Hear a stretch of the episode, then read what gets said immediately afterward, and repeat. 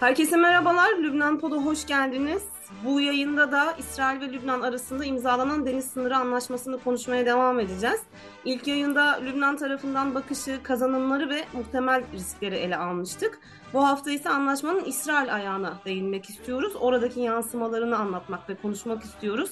Çok değerli iki konuğum var. İsrail Pod'dan Fatih Şemsettin Işık ve Mustafa Fatih Yavuz benimle birlikteler. Hoş geldiniz. Hoş bulduk. Hoş bulduk. Hemen anlaşmanın imzalandığı tarihten itibaren artık öncesine ve sonrasına değinelim istiyorum. Hepimizin bildiği üzere 27 Ekim'de İsrail ve Lübnan arasındaki bu nihai deniz sınırı anlaşması imzalandı. E, sancılı bir süreçti. Süreçte aslında sancılı olmaya devam ediyor. E, öncelikle aslında ben kıta sahanlığından başlamak istiyorum. İsrail'in bu anlaşmayla kazanımları neler oldu? Planladığı bölgeleri elde etti mi?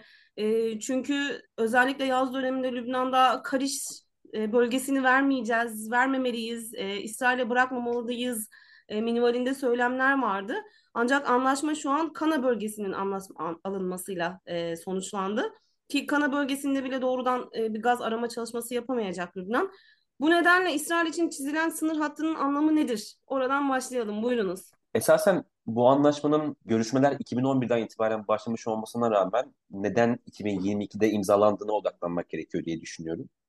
Burada Lapid hükümetinin kuzeydeki Kana sahasındaki haklarından taviz vererek anlaşmanın önünü açması bir dönüm noktası oldu bence. Çünkü yıllardır İsrail'in pozisyonu sizin de belirttiğiniz gibi mesela Kariş e, sahasındaki gibi hem Kariş'i hem de Kana'yı kapsayacak şekilde bir hat çizilmesi şeklindeydi. E, böyle bir e, tavizsiz talepkar durumu söz konusuydu. Ancak bu anlaşmayla birlikte Kariş'teki hakkı bir nevi İsrail'in Kariş'teki hakkı korunmuş oldu ve Kanada'dan da bir maddi gelir elde etmiş oldu. E, uluslararası bir konsorsiyumla birlikte yapılacak. E, her ne kadar Lübnan'ın hani e, bu konuda bir yetkisi olmasa da, araştırma yetkisi olmasa da uluslararası konsorsiyumla birlikte İsrail buradan bir maddi gelir elde edecek. Şimdi anlaşmaya göre bu maddi gelir bu konsorsiyumun yürüteceği sondaj çalışması sonrasında yaklaşık %20'lik bir e, gelir payı olacak. Yani İsrail basını bu konuyu tartışmaya devam ediyor. Ne kadarlık bir gelir olacağına dair net bir e, rakam elde etmiş değil ancak e, bu anlaşma tamamen aslında e, şunu da vurgulamak gerekiyor tabii ki. Münhasır ekonomik bölgeleri kapsıyor. Lapid'in, e, İsrail Başbakanı Lapid'in bu konunun altını çizdiğini hatırlatalım. Yani bizim kıta sahanlığımızdan da öte e, münhasır ekonomik bölgeyi kapsayacak şekilde bir anlaşma söz konusu. Zaten anlaşmaya baktığımız vakitte o haritaları göz gezdirdiğimiz vakitte görüyoruz ki sınırdan, İsrail-Lübnan sınırından 5 kilometrelik bir özel hat oluşturuldu. E, ve ondan sonra bölge paylaşımları yapıldı. Bence asıl vurgulamamız gereken nokta şu, bu anlaşmayla birlikte. İsrail, Lübnan'la olan ilişkilerinde büyük bir mesafe kat etti. Bunun enerji rezervlerinden ya da elde edeceği diğer maddi getirilerden çok daha önemli olduğunu düşünüyorum. Çünkü İsrail'de var olan hava, Lübnan'ın adeta İsrail'i tanımış olduğu. Bunu resmiyete enerji vesilesiyle dökmüş olduğu. Ee, tabii bunu da söylemek gerekiyor. Bunu bir İbrahim anlaşmaları gibi yani Birleşik Arap Emirlikleri, Umman, Körfez'deki o ülkelerin hani malumun ilanına artık resmi bir şekilde açıklandığı anlaşmaların düzeyinde de okumamak gerekiyor.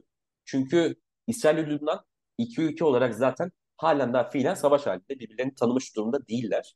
Ee, ama bu anlaşma Amerika Birleşik Devletleri'nin arabulucuyla yapılan anlaşma bu savaş durumunu belki de yani ortadaki gerginliği e, azaltacak düzeye çekmiş durumda diyebilirim. Fakat e, halen daha şunu belki de söylemek gerekir.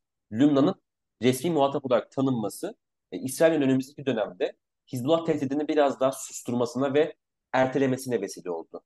E, ancak bölge dinamiklerini böyle baştan aşağı değiştirecek, tarihi büyüklükte bir olay olarak okumak mı gerekir? Ben böyle düşünmüyorum. Gerginliği yetiştirici bir emniyet subabı gibi okuyorum bu anlaşmayı.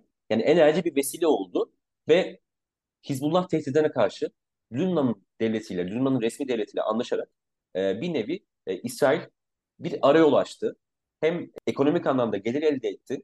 Fakat aynı zamanda daha da önemlisi kendi tanınmasının da yolunu açtı. İsrail'de var olan hava biraz daha ekonomiden ziyade Lübnan'ı resmi olarak tanımanın bir e, bir adım ötesine geçmek, biraz daha bir mesafe kat etmek şeklinde olduğunu söyleyebilirim.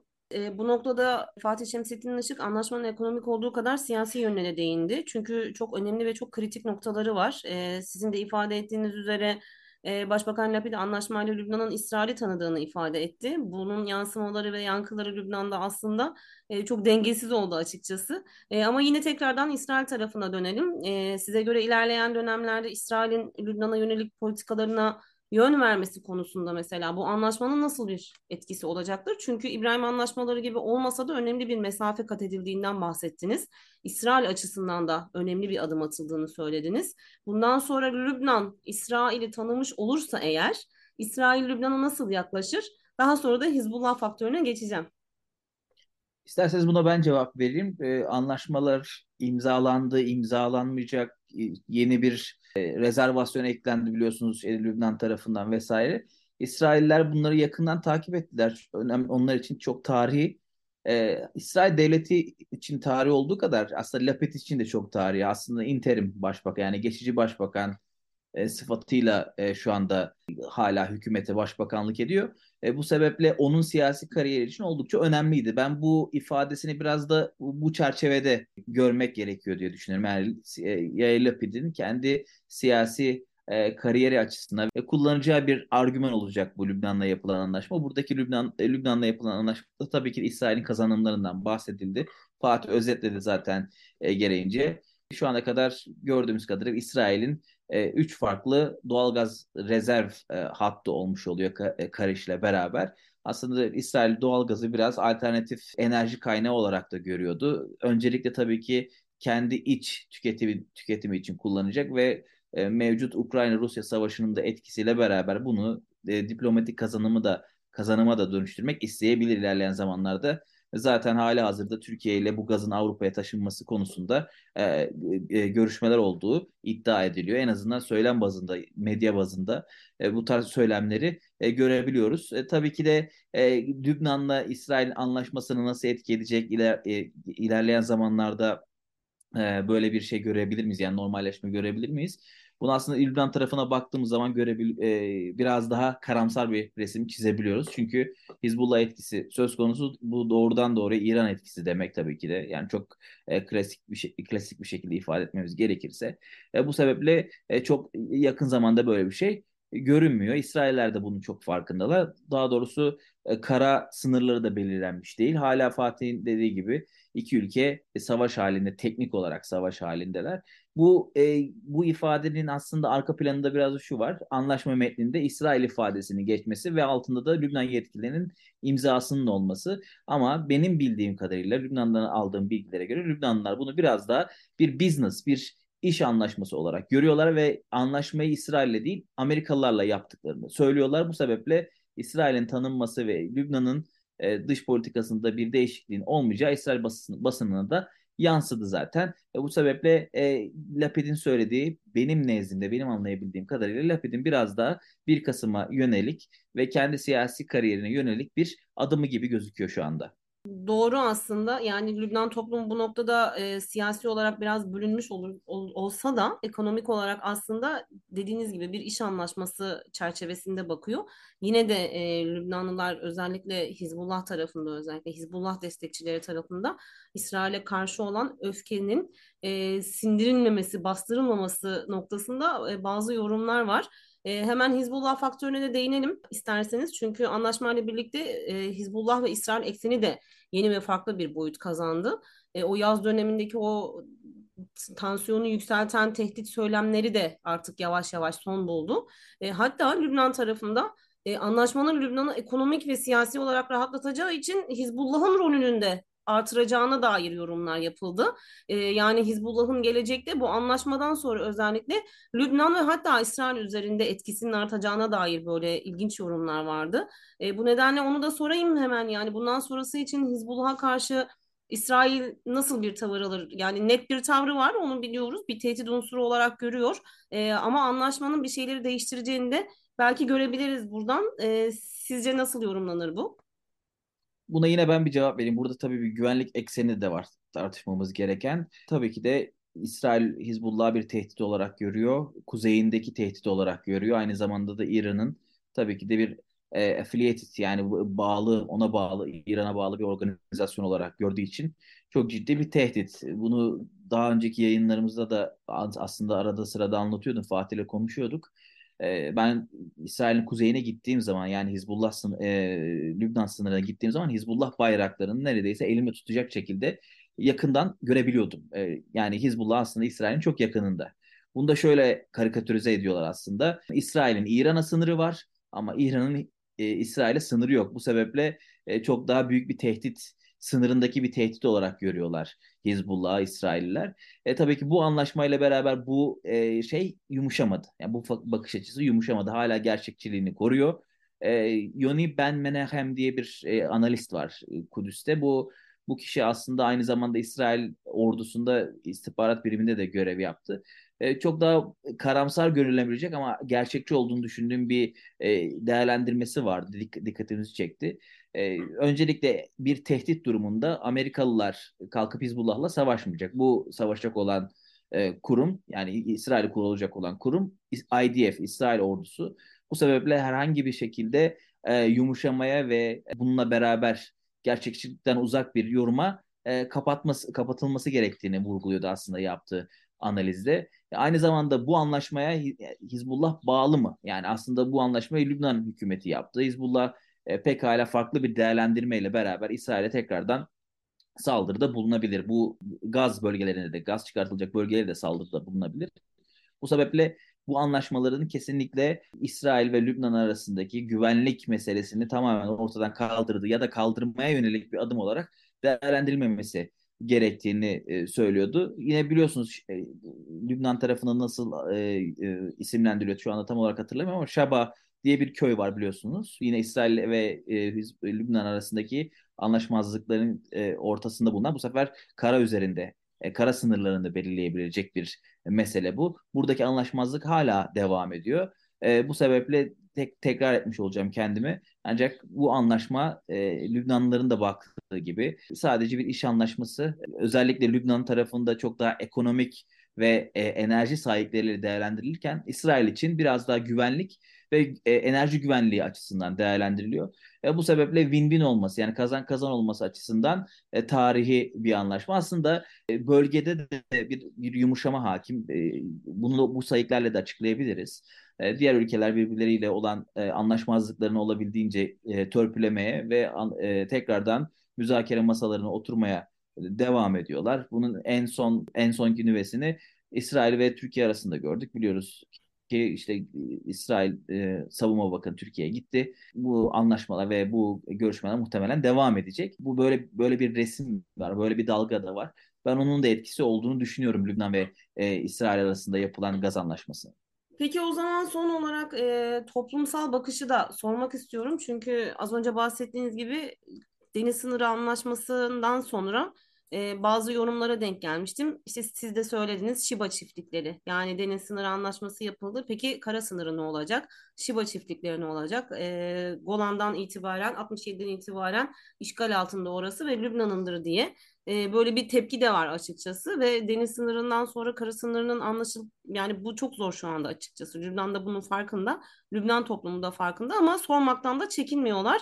E, bu noktada e, toplumsal bir bölünme de var açıkçası. Yok değil. Peki İsrailliler, İsrail halkı e, ve seçimin de muhakkak etkileri olacaktır e, anlaşmaya veya anlaşmanın imzalanmasının seçimi etkileri olacaktır. İsrail halkının bu noktada bu anlaşmaya bakışı nasıl? İsrailler kısacası nasıl bakıyor? Hali hazırdaki anlaşmayı İsrail'de genel olarak şöyle bir hava hakim bana kalırsa toplumda. E, hem muhalefette hem işte iktidarda hem de genel olarak tüm kamuoyunda. E, birazcık e, var olan kazanımın e, kıymetinin bilinmesi ve iyimserliğin korunması. Yani tıpkı e, 48 zamanında ya da işte e, ilerleyen dönemlerde Birleşmiş Milletler'in İsrail Yahudilere yönelik o zaman vermiş olduğu toprak parçasını böyle iyimserlikle korumaya David Ben Gurion'un o zamanki e, tavrını bana biraz hatırlatıyor. Yani var olan mevcudu korumanın önemini burada görüyorum. Hem toplumda hem de iktidarda. Muhalefette birazcık durum farklı. E, anlaşmaya karşı çıkan küçük bir azınlık dışında pek de kimse olmadı. E, bunların başında tabii şu sıralar siyasi geleceği de e, tamamen tartışmalı olabilecek bir isim. Ayelet Şaket geliyor. E, kendisi anlaşmaya kabinede red oy kullanan tek kişi. E, eski Adalet Bakanı. Hatta aslında şu anda Adalet Bakanı ama Yamina Partisi'nde e, Naftali Bennett'in siyasetten çekilme kararı almasından sonra e, liderliği o istendi. Fakat siyasi geleceği son, son derece tartışmalı. Bu seçimde Netanyahu'ya her ne kadar kendisi tamamen artık yanaşsa da bu hususta sağ oyları toplama hususunda e, Netanyahu'nun böyle bir tavrı söz konusu değil. E, kendisinin üzerine çizmiş durumda adeta. Bunun yanında tabii muhalefetten ve de tabii de e, Benjamin Netanyahu'dan bahsetmek gerekiyor. E, ana aktör tepkiler gelmesi bağlamında kendisiydi. Anlaşmanın bazı detaylarını e, Lapid'e karşı e, anlaşmanın bazı detaylarını gizlemekle suçladı ve Knesset'te anlaşmanın oylanmamasına tepki gösterdi. Tabii bunu da söylemek gerekiyor. Anlaşma e, hükümet nezdinde onaylandı, güvenlik kabinesinde onaylandı fakat e, henüz e, Knesset'ten onaylanmış değil. Ama yine de fiilen yürürlükte diyebiliriz. E, Hizbullah'a teslim olunduğunu belirtti Benjamin Netanyahu ve hatta önce kendi iktidarında bu anlaşmayı feshedeceğini söyledi. Ancak anlaşmanın sonrasında böyle toplumda e, e, olumlu bir hava uyandırmasının ardından, hüsnü kabul görmesinin ardından e, geri adım attı. Ben öyle bir şey söylemedim dedi. Anlaşmaya destek çıkardım dedi. E, tabii bu itirazın da şöyle bir arka plan olduğunu söylemek lazım. Benjamin Netanyahu 2009'da başbakan olmasından beridir. Aslında İsrail'in ana gündem maddelerinden birisi de Doğu Akdeniz'deki enerji rezervleriydi. Ve bu tamamen bu durumun tamamen kendi ürünü olduğunu ve kendi siyasetinin sonucu ortaya çıktığını e, bunu parlatmayı seven bir isimdi. E, nitekim bu bağlamda Yunanistan'la, Güney Kıbrıs Rum kesimiyle, Mısır'la çeşitli temaslar sağlandı, anlaşmalar yapıldı, uluslararası bir takım girişimlerde bulundu, bulundu. Ancak Amerika'nın da desteği çekmesiyle birlikte bunun hakim kaldığını görüyoruz. Ve şimdi bu anlaşmayla birlikte adeta sahne ışıklarının kendisinden çekilmesini hazmedemedi ve bu tepkiye vermesine hani sebep oldu. Kısacası var olan muhalefet biraz daha anlaşmanın kendisinden ziyade anlaşmayı yapanla ilgiliydi. Yani Lapid'le ilgiliydi. E, Lapid'e yönelik e, sağ kesim ciddi bir etkisi vardı zaten. E, kendisinin siyasi pozisyonu da bunu zaten e, temel oluşturuyor. Ama aynı zamanda Lapid'in e, kısa bir başbakanlık döneminde bu kadar e, önemli bir anlaşmayı imza atmış olması ister istemez Netanyahu gibi güçlü bir siyasi figürün e, ülke içerisinde e, bu tepkiyi e, doğal olarak vermesine sebep oldu. Anlaşmaya e, yönelik gösterilen tepkilerin sonradan toplumsal mutabakatı görünce geri adımı da sebep olması son derece normal.